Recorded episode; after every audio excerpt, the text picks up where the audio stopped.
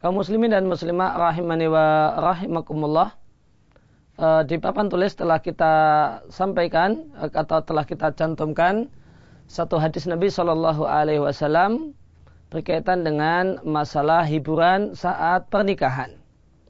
Yaitu satu hadis dari Ibunda Aisyah radhiallahu anha ketika itu annaha zafat imra'atan. Beliau Ibunda Aisyah ini mendandani seorang perempuan ila rajulin yang mau dipertemukan dengan suaminya. Yang suaminya ini adalah minal ansar dari kalangan ansar. Faqala Nabi sallallahu alaihi wasallam maka Nabi sallallahu alaihi wasallam bersabda Ya Aisyah tu wahai Aisyah maka ma'akum lahun. Tidak ada bersama kalian bersama kalian lahun hiburan Fa'inal ansara karena sesungguhnya orang-orang ansar yu'jibuhumul lahu. Mereka sangat menyukai hiburan. Hadisnya diatkan oleh Al-Bukhari. Kaum muslimin dan muslimah rahimani wa rahimakumullah. Maka hadis ini menunjukkan bahasanya pada saat pernikahan satu hal yang diperbolehkan. Satu hal yang diperkenankan jika ada hiburan berupa nyanyian asalkan nyanyian tersebut adalah nyanyian yang mubah. Nyanyian yang mubah di sini mencakup ya, konten dari nyanyian tadi. Tidak ada padanya pembicaraan tentang perempuan, pembicaraan tentang maksiat. Cuma sekedar nyanyian biasa saja. Demikian juga e, alat musik yang mengiringinya.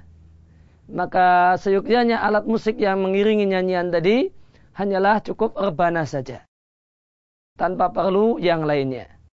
Itu pun rebana yang tidak ada uh, di pinggir-pinggirnya itu ya, lempengan-lempengan yang punya uh, suara. Ya, tidak ada tim, timbalnya. Cuma semata-mata rebana.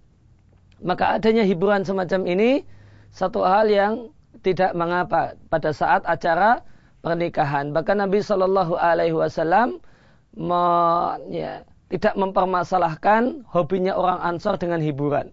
Nabi mengatakan bahasanya orang-orang Ansar suka dengan Allahu, suka dengan hiburan, yaitu tentu hiburan yang mubah.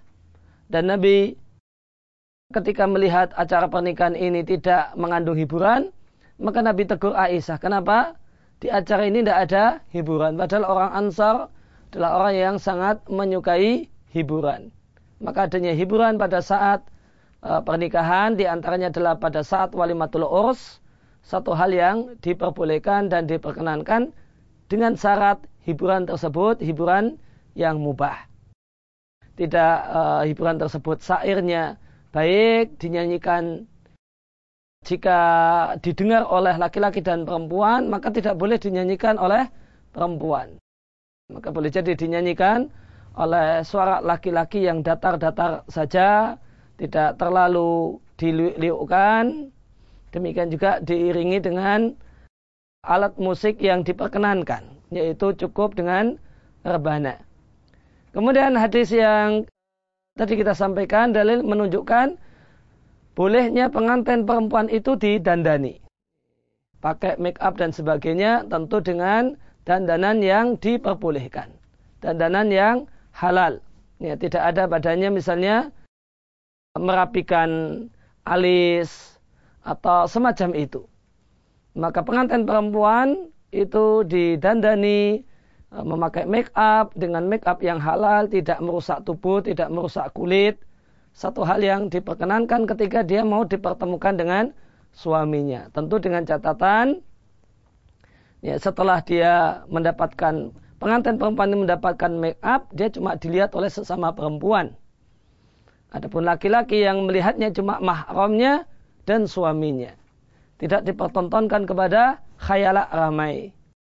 Maka ini di antara kandungan hadis ini. Hadis yang kita sampaikan dan kita telah catatkan di papan tulis. Demikian sedikit yang bisa kami sampaikan. Mudah-mudahan jadi tambahan ilmu bagi kita sekalian.